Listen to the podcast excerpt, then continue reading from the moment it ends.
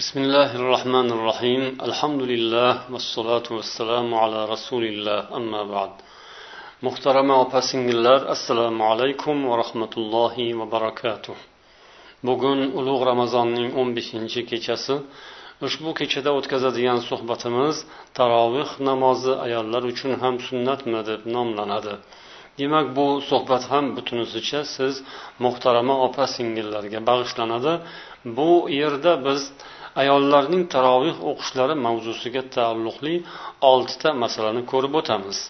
Birinchisi ayollar erkaklarga yo'ldoshdirlar degan mavzu. Ikkinchisi ayollarning taroveh uchun masjidga kelishlari mumkinmi? Uchinchi masala tarovihga kelganda qanday holatda bo'lish kerak? To'rtinchisi ayollar o'zlaridan biror kishining uyida taroveh uchun yig'ilishlari mumkinmi? Beshinchi ayollar bir birlariga imom bo'lsalar bo'ladimi? Oltinchisi ayollar va erkaklar bitta xonada namoz o'qishlari joizmi? Demak birinchi masala ayollar erkaklarga yo'ldoshdirlar degan mavzu. Rasululloh sollallohu alayhi vasallam dedilar. Albatta ayollar erkaklarning singillaridir erkaklarning yo'ldoshlaridir yoki aytishimiz mumkinki erkaklarning yelkadoshlari ularning yo'ldoshlari demak ayollar erkaklar uchun doimo yaqin zotlar. Demak erkaklar bilan hayotda qadam baqadam birga davom etadigan zotlardir. Shaqoiq degani shaqiqun shaqiqatunning jami ya'ni shaqiqun degani yoki shaqiqatun tug'ishgan singil degan ma'nolarni bildiradi. Demak payg'ambarimiz sollallohu alayhi vasallam ayollarni erkaklarga ana shunday yaqin mm, sifatda ta'rifladilar. Demak singil qanday yaqin bo'lsa tug'ishgan inson bir biri bilan tug'ishganlar qanday yaqin bo'lsalar demak erkaklar bilan ayollar bir birlariga ana shunday yaqinlar va ular bir birlari bilan doimo demak munosabatlari birga bo'ladi ular hayotda birga qadam tashlaydilar hayotda yelkadosh bo'ladilar hamroh bo'ladilar bir birlariga ayollar ham yana shu bilan bir qatorda erkaklar kabi savob va ajr hosil qilishga haqdor va muhtojdirlar. Ularni robbilariga ibodat qilish ehtiyojlari bor. Bu ne'matdan ularni to'sish yoki bu ne'matni ularga cheklash tazyiq qilish aslo mumkin emas bu gunohi kabiradir. Bunga hech kimning haqqi yo'q. Ayollarsiz hayot mazmuni yo'qoladi balki umuman hayot mavjud bo'lmaydi. Bu ollohning qonuni. Shunday ekan ayollarning haqlarini hurmat qilish ham insonning dini iymoni va taqvosidan dalolat qiladi. Ayollarning so'zlarini olloh ham rasululloh ham e'tiborsiz qoldirishmagan. Bular ayollarga qanday ahamiyat berganlarini qur'oni sunnatni o'rgangan odam har bir inson yaxshi tushunadi. Nasaiy rivoyat qilgan hadisda ummu salamadan rivoyat qilinadi. U kishi aytadilar u kishi haqida rivoyat qilinadi u kishi payg'ambar sollallohu alayhi vasallamga mana bu so'zni aytganlar ya nabiyalloh ما لي أسمع الرجال يذكرون في القرآن والنساء لا يذكرن يا نبي الله ey allohning payg'ambari nimaga men qur'onda erkaklar zikr qilinganini eshitamanu ammo ayollar zikr qilinganini eshitmayman shunda alloh taolo ahzob surasining o'ttiz beshinchi oyatini nozil qilgan ekan أعوذ بالله من الشيطان الرجيم إن المسلمين والمسلمات والمؤمنين والمؤمنات والقانتين والقانتات والقانتين والقانتات والصادقين والصادقات والصابرين والصابرين والصابرات والخاشعين والخاشعات والمتصدقين والمتصدقين والمتصدقات والصائمين والصائمات والحافظين فروجهم والحافظات والذاكرين الله كثيراً والذاكرين الله كثيرا والذاكرات. أعد الله لهم مغفرة وأجرا عظيما. musulmon erkaklar va muslima ayollar mo'minlar va mo'minalar itoatkor erkaklar va itoatkor ayollar rostgo'y erkaklar va rostgo'y ayollar sabrli erkaklar va sabrli ayollar alloh huzurida hokisor erkaklar va hokisor ayollar sadaqa qiluvchi erkaklar va sadaqa qiluvchi ayollar ro'zador erkaklar va ro'zador ayollar. Iffatlarni saqlovchi erkaklar va iffatli ayollar. Allohni ko'p zikr qiluvchi erkaklar va ko'p zikr qiluvchi ayollar. Alloh mana bularga mag'firat va buyuk ajr tayyorlab qo'ygandir. Demak bu oyatda alloh taolo ana shu birgina ayolning so'zini e'tiborga olib oyat nozil qildi va mana shu oyatda ayollarni ulug'ladi. Barcha mo'mina ayollar uchun barcha muslimalar uchun bir xushxabar ularning qalblariga shunday orom baxsh etadigan oyatni nozil qildi. Bu oyatda alloh taolo mo'mina ayollarni itoatkor ayollarni doimo rostgo'y rost so'zlaydigan va hayotda ham rost turadigan ayollarni sabrli alloh huzurida hokisor qo'li ochiq sadaqa qiluvchi saxovatli va ro'zador nafsini jilovlay olgan hamda iffatlarini saqlagan hayoli allohni doimo yodida saqlaydigan zokira ayollarni alloh taolo mana shu sifatlarni aytib olqishladi. Bu ayollarga ayollarga nisbatan islom dinimizdagi munosabat payg'ambar va allohning ayollarga qanday e'tiborli zotlar bo'lishganini ko'rsatadigan bir dalildir. Shunday ekan biz mo'min musulmonlar ham ayollarga bo'lgan munosabatimizni chiroyli saqlashimiz kerak. Bu suhbatimizning birinchi qismi birinchi masalasi edi. Demak ayollar erkaklarga yo'ldosh hamrohdirlar.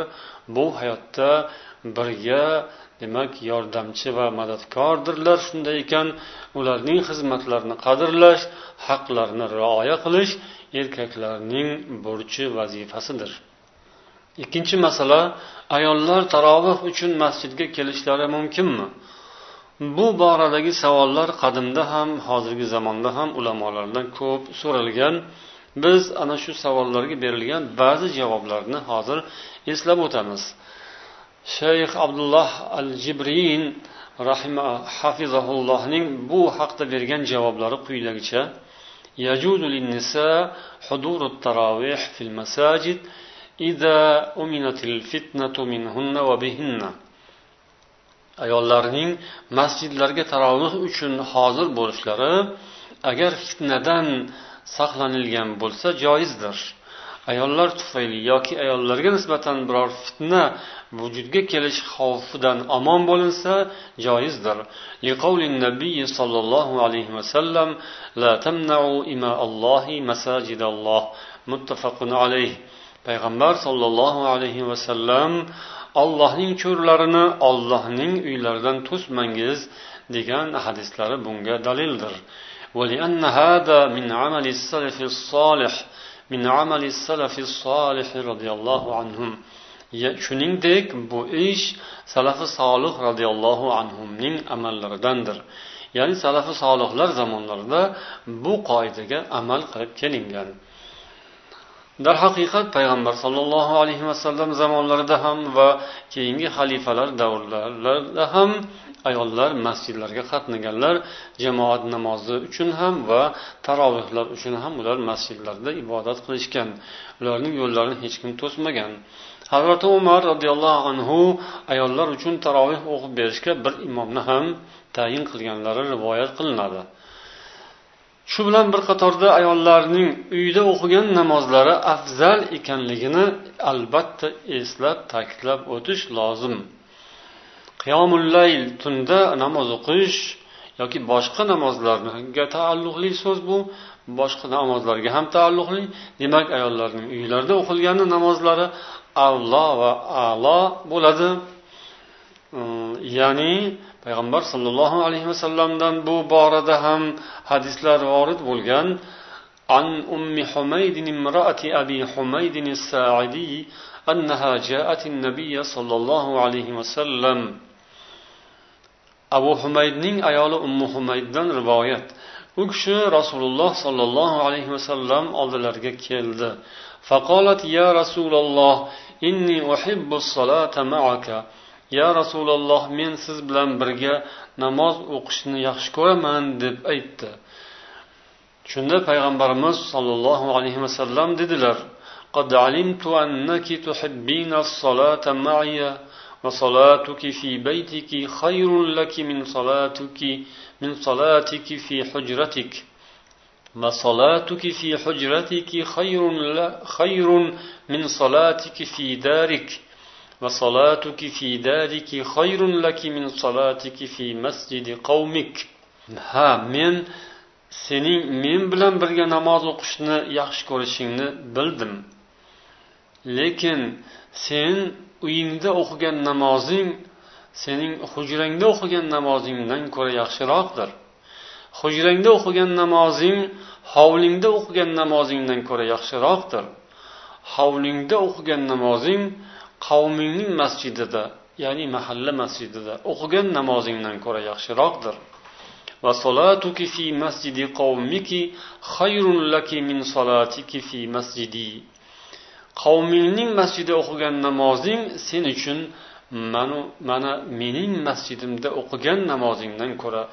yaxshiroqdir فأمرت فبني لها مسجد في أقصى شيء من بيتها وأظلمه shundan keyin u ayol o'zining uyiga bir masjid ya'ni namozgoh qilib berishlarini talab qildi uyning to'ridan va eng qorong'u pana yerdan unga namozgoh qilib berdilar. U ayol ana o'sha yerda namoz o'qiydigan bo'ldi. To alloh azza va jallaga yo'liqqunga qadar u ayol o'sha yerda namoz o'qidi. Demak qarang taqvoli oxiratni degan ayollarning xulqlaridan va qilgan amalu ibodatlaridan bir namuna. Masjidga kelib payg'ambar sollallohu alayhi vasallam bilan birga namoz o'qishni demak orzu qilgan yaxshi ko'rgan esalarda lekin uylarda o'qigan namozlari afzal ekanini bilganlaridan keyin uylarda namoz o'qidilar. Demak bu masalaning ikki tomoni ayollar taroveh uchun yoki jamoat namozlari uchun masjidga kelishlari mumkin va shu bilan bir qatorda demak uylarda namoz o'qiganlari afzal bo'ladi. Lekin bu narsa sharoitga qarab demak yana ba'zi jihatlarini gapirilishi mumkin. Inshaalloh suhbat davomida davomida to'xtalamiz. Ayollarni masjidga kelishlari joiz uyda esa o'qishlari afzaldir. Yana shu narsani qo'shimcha qilib o'tishimiz kerakki ayollarni uyda o'qigan namozlari afzal ekanini bahona qilib sabab qilib masjiddan to'sishga hech kimning haqqi yo'q bu tomonni ham e'tibordan soqit qilishimiz kerak emas bu borada mana bu hadisni eslashimiz lozim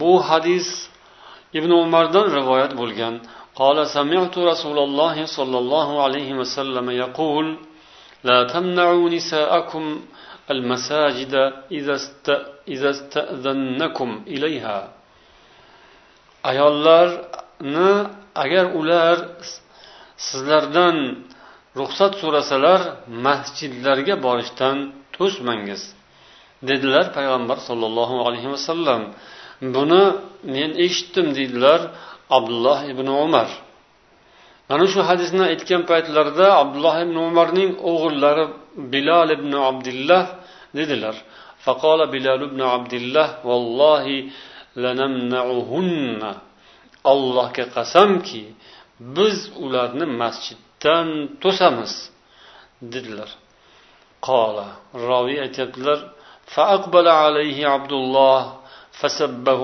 سبا سيئا ما سمعته سبه مثله قط shunda abdulloh u kishiga yuzlandi ya'ni o'g'illarga yuzlandilar va ularni shunaqa yomon xunuk so'kdilarki unaqa so'kishlarini man hech qachon eshitmaganman vaqola keyin aytdilarki أخبرك عن رسول الله صلى الله عليه وسلم وتقول والله لنمنعهن رواه مسلم man sanga rasululloh sollallohu alayhi vasallamning hadislarini aytib u zotdan xabar beramanu san ollohga qasamki ayollarni masjiddan to'samiz deysanmi? Dedilar. Demak bu hadisga qaraganda ulamolar ayollarni masjiddan to'sishga aslo yo'l berishmagan va bu demak gunoh bo'ladi. Illo demak biror fitna bo'ladigan bo'lsa bunda demak e, albatta o'sha narsa e'tiborga olinadi. Demak yuqoridagi fatvoda ham aytildiki agar ayollarning masjidga kelishlaridan biron bir fitna paydo bo'lmaydigan bo'lsa fitnalardan har xil shubhalardan xoli va omon bo'linadigan bo'lsa ayollar masjidlarga kelishlari mumkindir. Endi nima uchun ayollarni masjidga kelishi haqidagi masala ko'tarilishi mumkin desangiz bu yerda demak ko'pchilikka ma'lumki ayollar ko'p ayollar demak uyda qoladilar erlari masjidga ketadilar. Ular juda kamdan kam ayollar demak uyda o'sha taqvo bilan hokisorlik bilan ixlos bilan uyning to'riga borib ibodat qiladilar. Juda kamchilik ayollar. Demak allohga uyda xoli xotirjam ibodat qiladigan ayollar kam bo'lgani uchun ko'pchilik ayollar uyda o'zi yolg'iz qolib bolasi bilan ovora televizor ko'rish bilan ovora kompyuterga sho'ng'ish bilan ovora yoki boshqa narsalar behuda narsalar bilan mashg'ul bo'lib o'tirganlaridan demak mo'min odam tashvish qiladi. Demak bu ahvolda ayollarni qoldirib bo'lmaydi. Ularni bunday beparvo tashlab bo'lmaydi. Ularni oldida o'tirolmaysiz. Masjidga ketasiz yumushingiz bor. Endi hech bo'lmaganda demak masjidga borib o'sha yerda jamoat bilan orqada jamoatning keyinida turib ishtirok qilsa namozga u yerda ibodat ruhi namoz o'qiladi qur'on o'qiladi tilovat bo'ladi. Demak allohga uzoq vaqtlar mana tarovihlarda hatm qur'onlarda qoyim bo'lib tik turib ibodat qilinadi. Buning inshaalloh ijobiy ta'siri bo'ladi deb umid etiladi va ana shu maqsad bilan ayollarning masjidga borishlari mumkin degan ruxsatdan foydalanamiz. Demak ayollarning masjidga borishlari mumkin va bu yo'lga hech kim to'g'anoq bo'lishi joiz emas balki bu gunohdir. Abdulloh ibn abdulloh ibn umar o'g'illari bilol ibn abdullohni mana shu masalada juda ham qattiq urushganlar so'kkanlar. Alloh taolo hammalaridan rozi bo'lsin.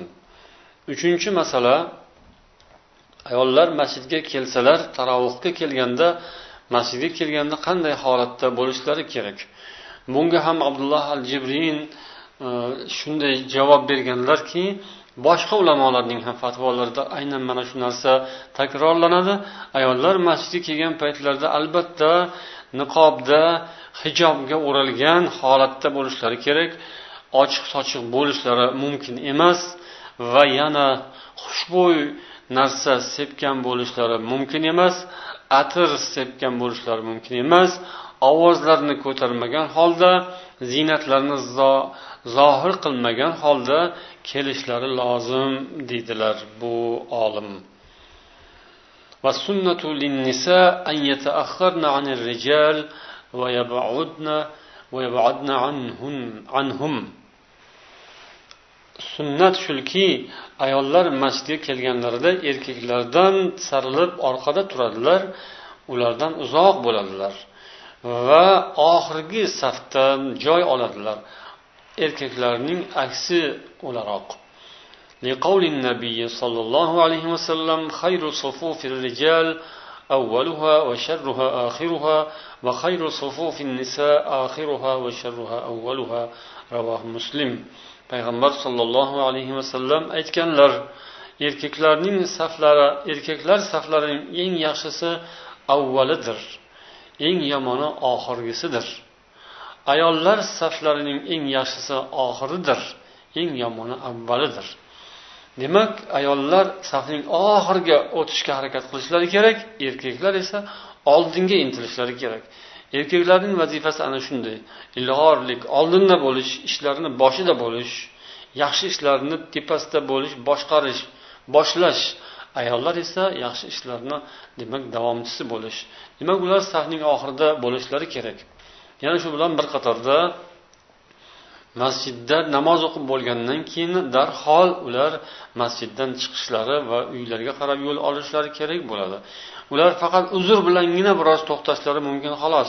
Uzr uzrsiz ravishda masjidda ko'p qolib ketish mumkin emas. namoz uchun borildimi namoz o'qib bo'lindimi bo'ldi endi uyga qaytish kerak hadisi ummi salamata roziyallohu anha ummu salama roziyallohu anhu onamizning hadislariga asoslanadi bu so'z قالت كان النبي صلى الله عليه وسلم إذا سلم حين يقضي تسليمه وهو يمكث في مقامه يسيرا قبل أن يقوم قالت نرى والله والله أعلم أن ذلك كان لكي ينصرف النساء قبل أن يدركهن الرجال رواه البخاري payg'ambar sollallohu alayhi vasallam namozni tugatib salom bergan paytlarida o'tirgan yerlarida biroz kutib jim qolardilar turishdan oldin ozgina kutar edilar ummu salama aytadilarki allohu alam bu ish ayollar to erkaklar qo'zg'alguncha o'rnlaridan turib ketib olsinlar uchun bo'lar edi. Demak erkaklar ayollarga ko'zi tushmasin yoki to'qnash bo'lmasin aralash bo'lmasin uchun rasululloh joylaridan qimirlamasdilar erkaklar ham demak qimirlamasdilar. Shunda demak ayollar turib chiqib ketardilar. Demak masjidlarga kelganda mana shu qoidaga rioya qilish kerak iloji bo'lsa boshqa alohida eshikdan kirib chiqilishi kerak. Ana shunda demak sunnatga rioya qilingan bo'ladi. Yana shu bilan bir qatorda fatvoda aytiladiki ayollar o'zlari bilan go'daklarini tamyiz yoshiga yetmagan go'daklarni birga olib borishlari durust emas.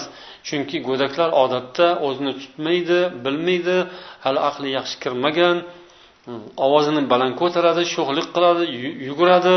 Mana shu bilan saflarni o'rtasidan ham yuguraveradi shu bilan odamlarga xalaqit beradi. Odamlarga namozxonlarga ular ozor beradi zarar yetkazishi mumkin. Ana shunday qilib ularning namozlari xotirjamligi ketib qoladi.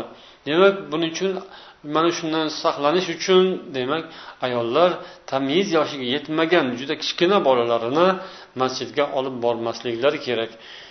Bu ishda erkaklar va ayollarni yaqin kishilari yordam berishlari kerak bunga ahamiyat berishlari lozim. Bu masalani chiroyli hal qilishlari kerak deydilar.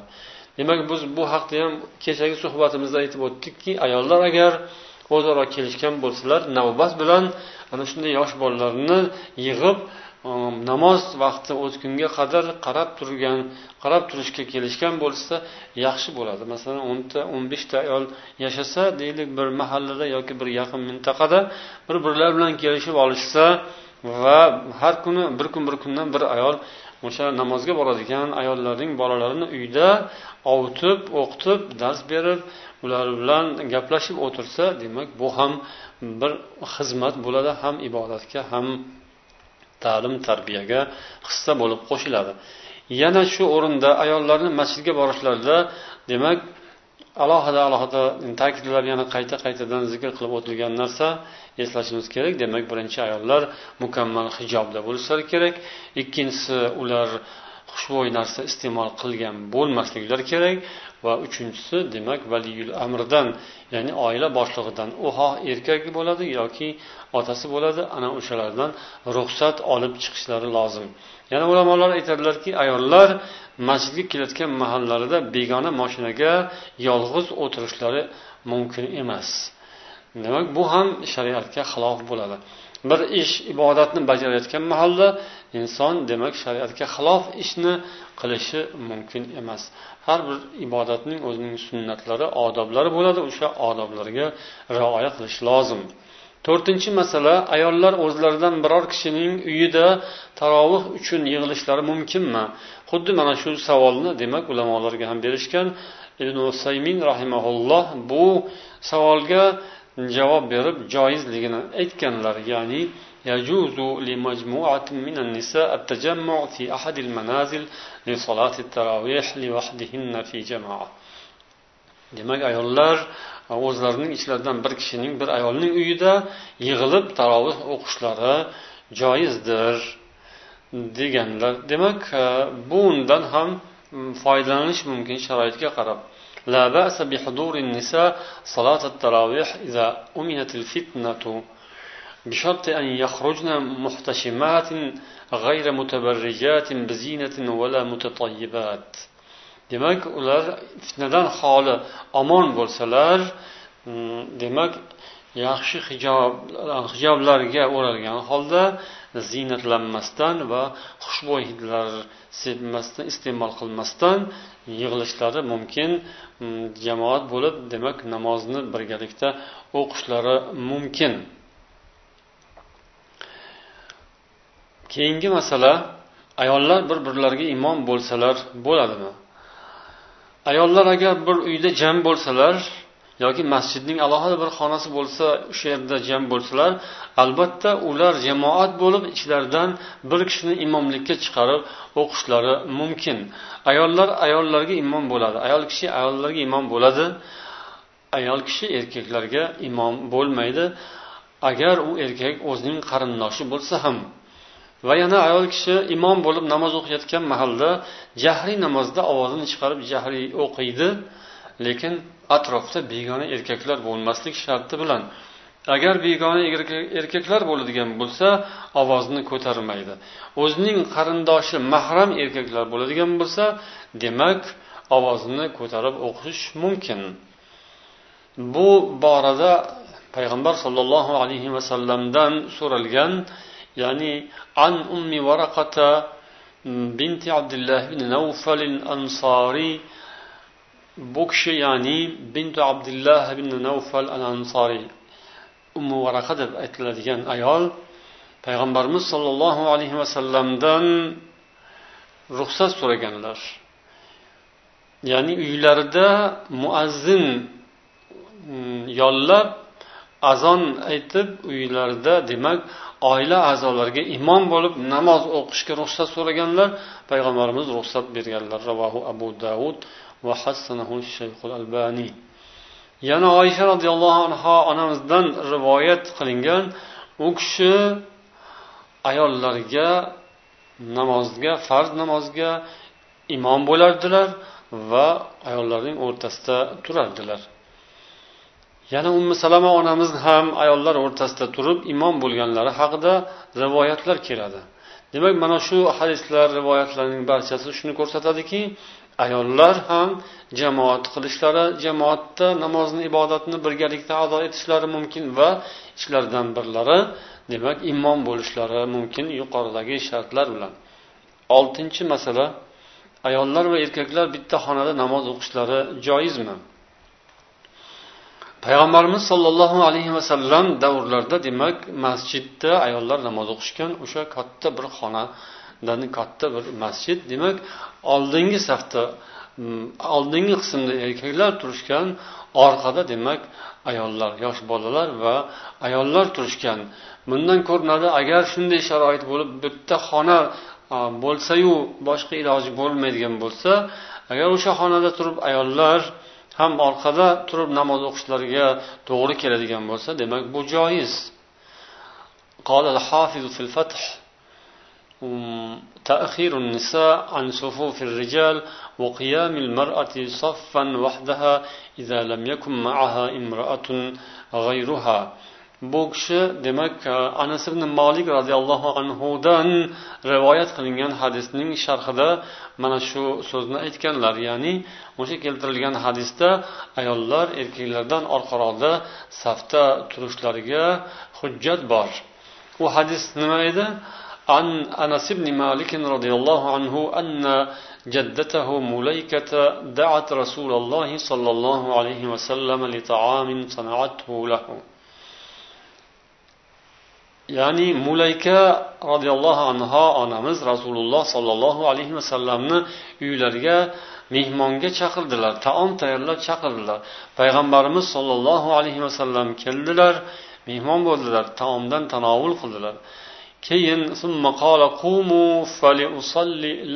qani endi turinglar sizlar bilan namoz o'qiyman dedilar قال أنس فقمت إلى حصير لنا anas aytadilarki bizning bir bo'yramiz bo'lardi qorayib ketgan o'shani olib demak ustiga suv bilan ustini yuvib tozalab joy qildim keyin rasululloh sollallohu alayhi vasallam namozga turdilar U kishining orqalaridan men va bir yetim bola turdik haligi kampir esa bizning orqamizda turdilar shunday qilib rasululloh sollallohu alayhi vasallam ikki rakat namoz o'qidilar biz bilan birga keyin qaytib ketdilar mana shu hadisda demak ayollar ham erkaklarning orqalarida namoz o'qish E, joizligiga dalil bo'ladi va bundan boshqa ham juda ko'p sahih hadislarda rasululloh sollallohu alayhi vasallam bilan birga ayollar masjidda namoz o'qiganlari rivoyat qilinadi. Demak bundan ko'rinadiki ayollar erkaklarni orqalarida turib namozda ishtirok etishlari mumkin. alloh barchamizga ibodatlarimizni sunnatga muvofiq ravishda ado etishimizni nasib etsin bu ulug' kunlardan iloji boricha ko'proq foydalar olib qolishimizga parvardigor olam o'zi muyassar aylasin سبحانك اللهم وبحمدك أشهد أن لا إله إلا أنت أستغفرك وأتوب إليك والسلام عليكم ورحمة الله وبركاته